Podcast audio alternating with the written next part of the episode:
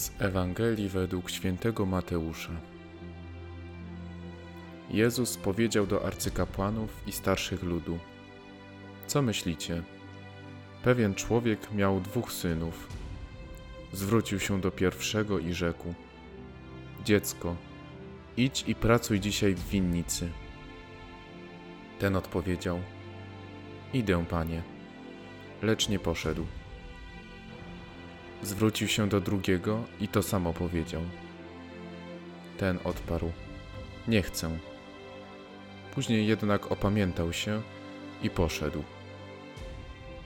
Który z tych dwóch spełnił wolę ojca? Mówią mu: Ten drugi. Wtedy Jezus rzekł do nich: Zaprawdę powiadam wam, celnicy i nierządnice wchodzą przed wami do Królestwa Niebieskiego. Przyszedł bowiem do was Jan, drogą sprawiedliwości, a wy mu nie uwierzyliście. Uwierzyli mu zaś celnicy i nierządnicy. Wy patrzyliście na to, ale nawet później nie opamiętaliście się, żeby mu uwierzyć.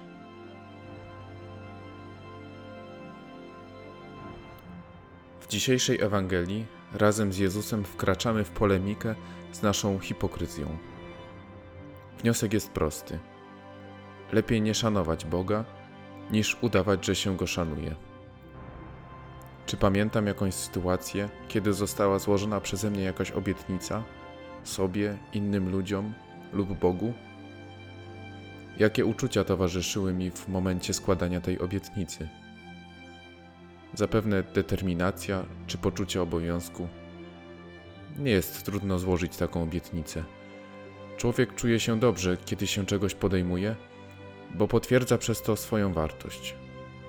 Mówi: Jestem w stanie poświęcić się dla innych lub dla większego dobra.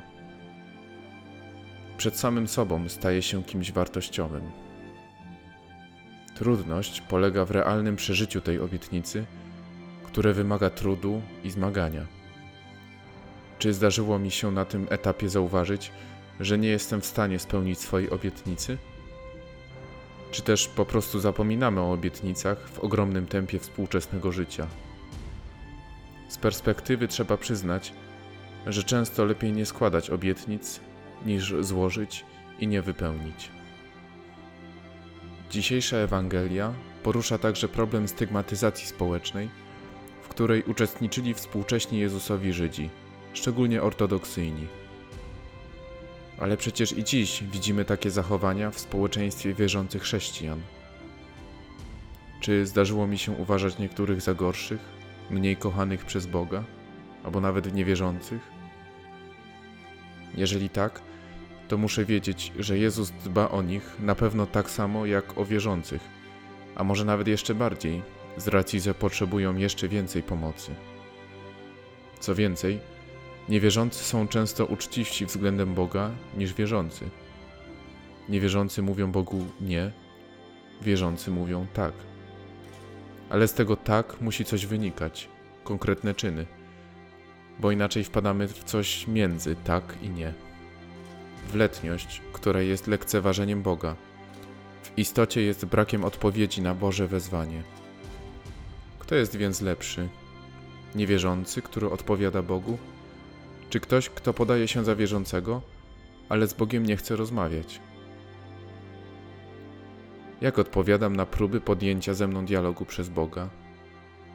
Czy rozmawiam szczerze z Bogiem? Czy uważam niewierzących za gorszych?